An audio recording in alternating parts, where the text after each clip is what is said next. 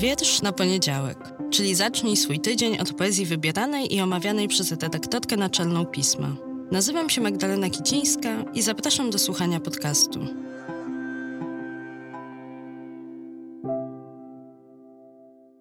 Cześć, dzień dobry, dobry wieczór.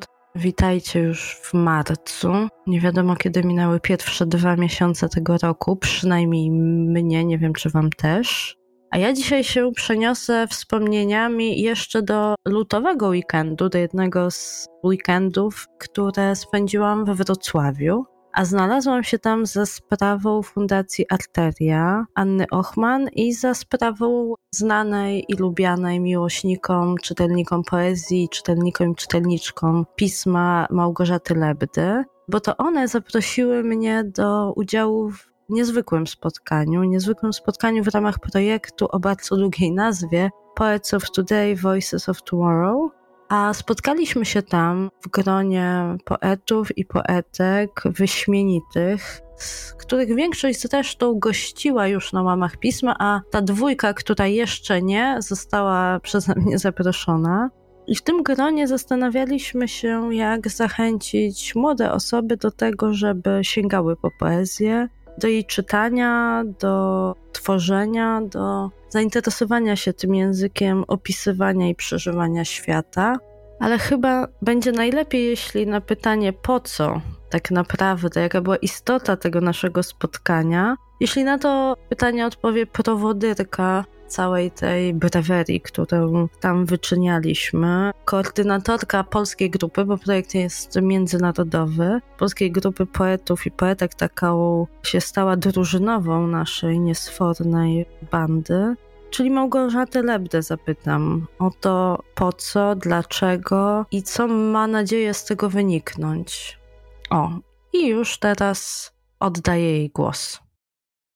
Spotkanie we Wrocławiu było częścią międzynarodowego projektu, którego efektem ma być namysł nad tym, w jaki sposób, jak atrakcyjnie wprowadzać poezję do szkół. Jest to projekt dofinansowany przez Unię Europejską, który prowadzi w Polsce Fundacja Arteria. I ja jestem bardzo szczęśliwa, że ten projekt się pojawił, że też zostałam do niego zaproszona, dlatego że działania na rzecz wprowadzania, oswajania, pokazywania poetów i poetek w szkole, szczególnie w szkole podstawowej i w liceum, to były takie działania, które jakoś tam oddolnie też robiłam właściwie od początku mojego związku z poezją. I właśnie zebraliśmy razem z Fundacją Zaprosiliśmy polskich poetów i poetki, osoby, które w naszym przekonaniu też działają na rzecz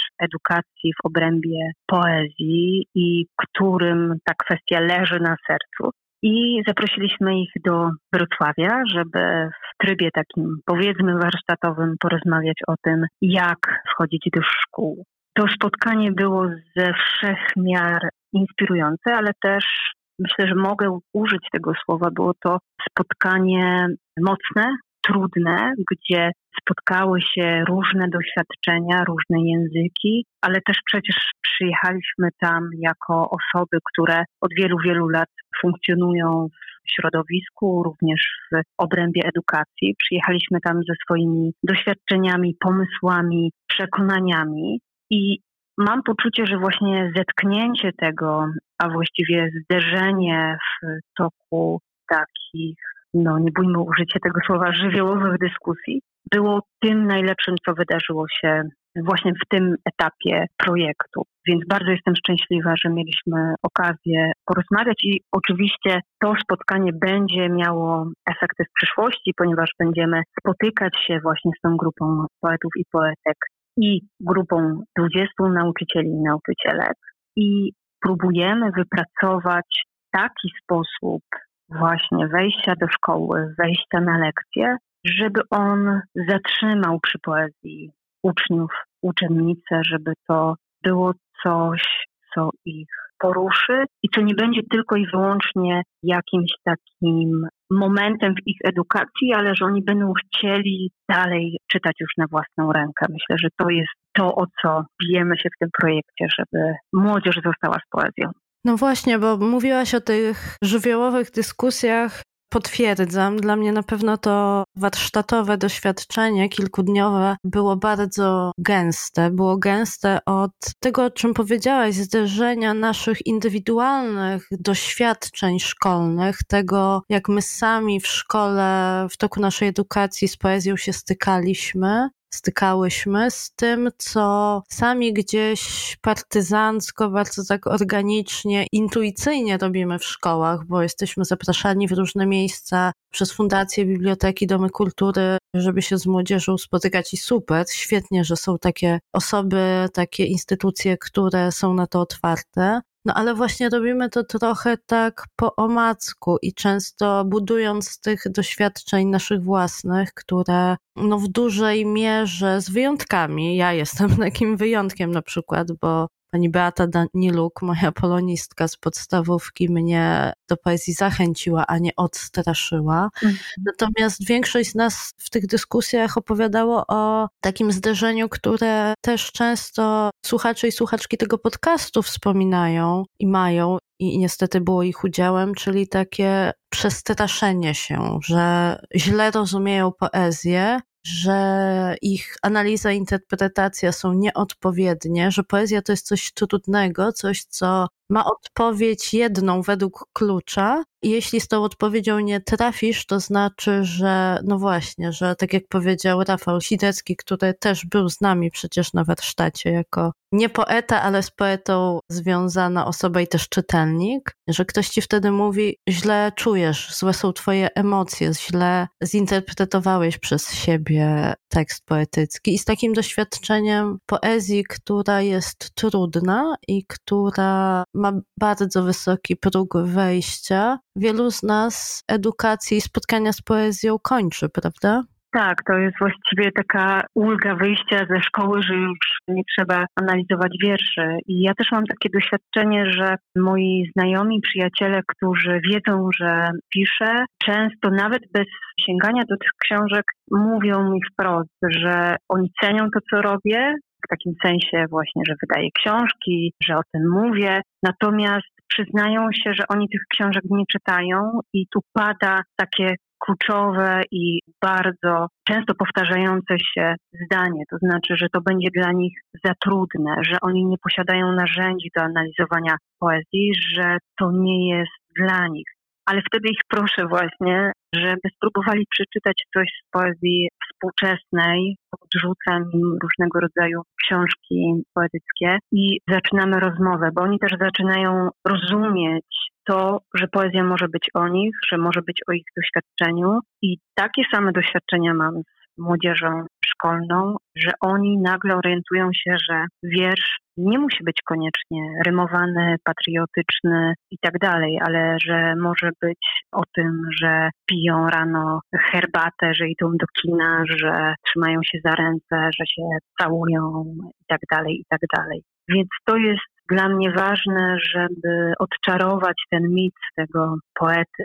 Mówiliśmy we Wrocławiu na spotkaniu poety w Czarnym Golfie i do tego jeszcze Szalo szalo, tak, żeby pokazać, że to my jesteśmy, my, którzy mogą z tymi dzieciakami też pogadać, pożartować, doradzić lektury, podzielić się swoimi doświadczeniami. Więc to jest ciekawe, a mam wrażenie, że coraz mniej jest miejsca na poezję w szkole, ale też, nie wiem, czy się ze mną zgodzisz, czy też to obserwujesz, ale że ze szkół odchodzą nauczyciele pasją. Nauczyciele, którzy wcześniej zapraszali na przykład na spotkania do swoich szkół, czy też robili coś ponad program, oni w pewnym momencie zdają się wypalać. Także zmieniają pracę. I to jest dla mnie wstrząsające, że system nie potrafi, też system edukacji nie potrafi zatrzymać tych nauczycieli, którzy są tą siłą która potrafi rozbudzić miłość albo potrafi całkowicie zniszczyć jakiś rodzaj wiedzy, dziedzinę wiedzy, której uczy w oczach tego ucznia czy uczennicy. Ja zresztą jestem takim przykładem, że przez wiele, wiele lat myślenie o języku polskim w mojej szkole podstawowej przyprawiało mnie o dreszcze, a myślenie o poezji już zupełnie, bo to był właśnie ten styl myślenia o wierszu jako o czymś, co musisz odczytać dokładnie według pewnej struktury schematu. Zupełnie w moim przekonaniu praktyczki również odbiega od tego, co my poeci chcemy wierszem zrobić, a więc przede wszystkim uderzyć. Zabrzmi to górnolotnie, ale uderzyć w emocje, poruszyć coś w czytelniku, dać mu miejsce na jego emocje. No właśnie, że poezja może być dla nich narzędziem dodatkowym, jednym z, dostępnym do opisywania i przeżywania świata, do odnajdywania się we własnych emocjach również. Ja pamiętam, że na tym spotkaniu naszym długim, kilkudniowym, wrocławskim, bardzo często mówiliśmy o nauczycielach i nauczycielkach jako grupie, która no to jest oczywiście temat nie na warsztat, tylko na rewolucję, która jest niedofinansowana, przemęczona, przepracowana i funkcjonuje w opresyjnym wciąż pruskim modelu szkolnictwa. A jeżeli jeszcze na to nałożymy zmiany negatywne, które w ostatnich latach też za sprawą obecnego ministra polską szkołę dotykają, to no nie dziwię się, że coraz mniej jest tych nauczycieli z pasją, którzy mają siłę się z tym mierzyć, bo te wyzwania są ogromne, więc tym bardziej się cieszę, że w nasz projekt są zaangażowani nauczyciele i nauczycielki, tacy, którzy znaleźli w sobie jeszcze zasoby i przestrzeń, żeby spróbować wejść z nami w dialog po to, żeby lepiej dialogować, rozmawiać, słuchać i inspirować młodzież. I mam nadzieję, że taki będzie efekt naszego projektu i że to, co sobie wypracujemy my tutaj w Polsce, ale też koledzy i koleżanki w innych krajach, tego projektu, krajach o bardzo ciekawym, innym podejściu do wychowywania, do edukacji, prawda? Bo jest i z jednej strony Finlandia, która zawsze jest stawiana jako wzór współczesnego modelu edukacyjnego, a z drugiej strony Węgry, między innymi Polska, kraje, które, no mówiąc najłagodniej, borykają się teraz z ideą otwartej szkoły i no nie do końca ona jest teraz u nas w modzie. I mam nadzieję, że coś się potem z tymi naszymi wypracowanymi pomysłami wydarzy, bo przecież nie spotykamy się tylko po to, żeby ze sobą porozmawiać, co oczywiście zawsze jest inspirujące, no ale mamy inny, jeszcze wyższy cel, prawda, w tym projekcie? Dokładnie. Tutaj jeszcze tylko dodam, że mamy partnerów ze Słowenii i z Serbii. Mieliśmy już spotkanie w Lublianie i to było spotkanie właśnie tych wszystkich grup roboczych i ono było fascynujące, równie trudne, ale pokazujące też różnice podejście do edukacji, myślenie o poezji, również właśnie ze strony poetów i poetek. Sama nazwa tego projektu Poets of Today, Voices of Tomorrow jest dla mnie taką metaforą, która mówi też o tym, że właśnie to, co wypracujemy teraz jako poeci, poetki, zaowocuje w przyszłości, bo to jest też takie myślenie dla mnie o tym, żeby mieć też w przyszłości czytelnika, nie tylko poezji, ale po prostu literatury i żeby te głosy poetyckie czy oswajanie poezją i znowu to bardzo idealistyczne, ale wpłynęły też na nasz kontakt międzyludzki, na to, jak my jako społeczeństwo ze sobą rozmawiamy. To znaczy nie chcę, żebyśmy rozmawiali pomiędzy sobą Szymborską i Miłoszem, chociaż byłoby pięknie, ale czytanie, śledzenie pracy...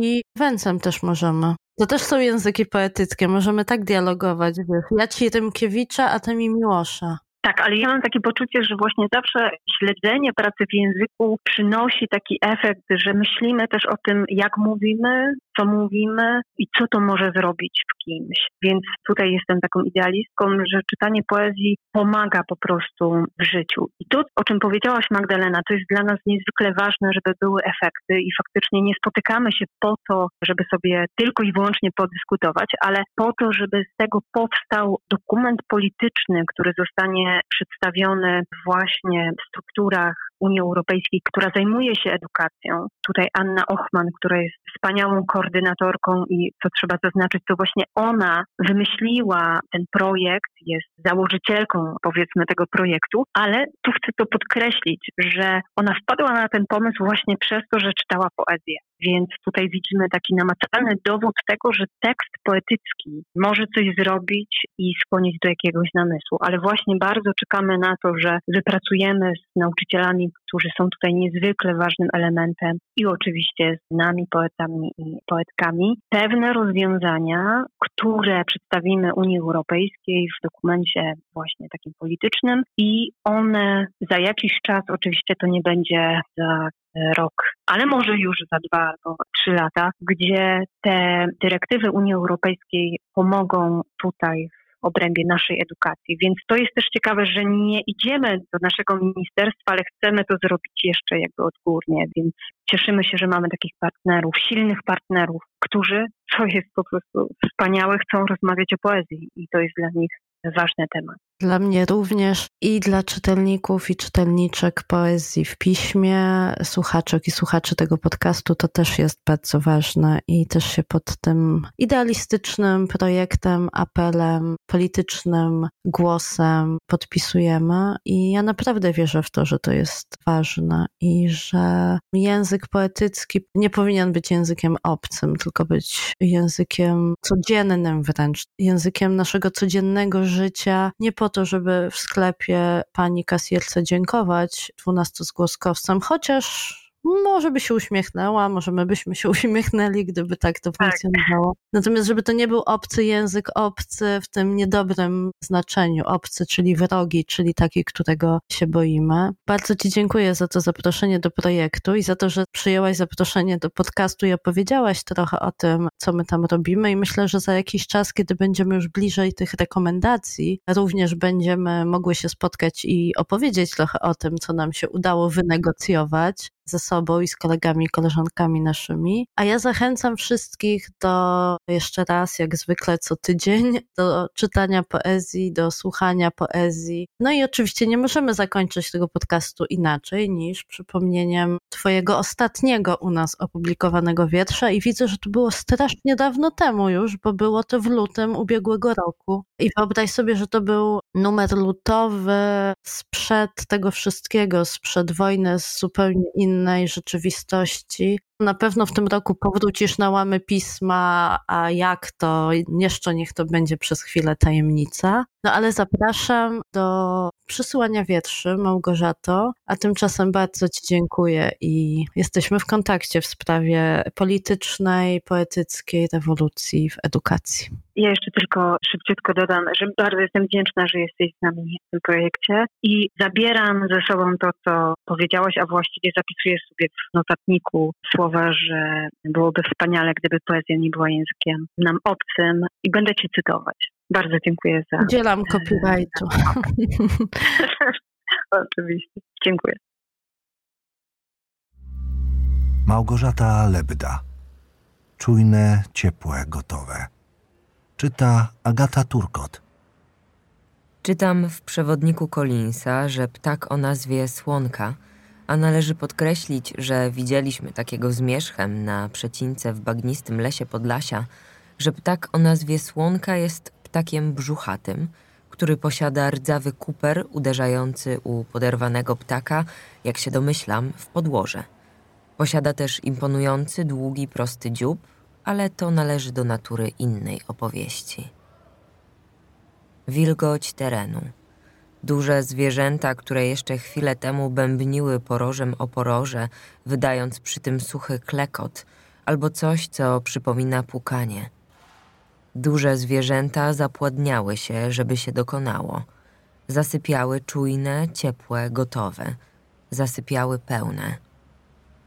A tu stukanie w drewno domu nie pozostaje niewinne. Wyobraź sobie, późna noc, uderzenia w drewniane drzwi, mieszanka uczuć, które mówią o grząskim w nas. Łup, łup, łup. Trwa grząskie w nas – po chwili okazuje się, że to pies oparty o drzwi. Pies, który leniwie podnosi tylną łapę na wysokość pyska i drapie. Drapie.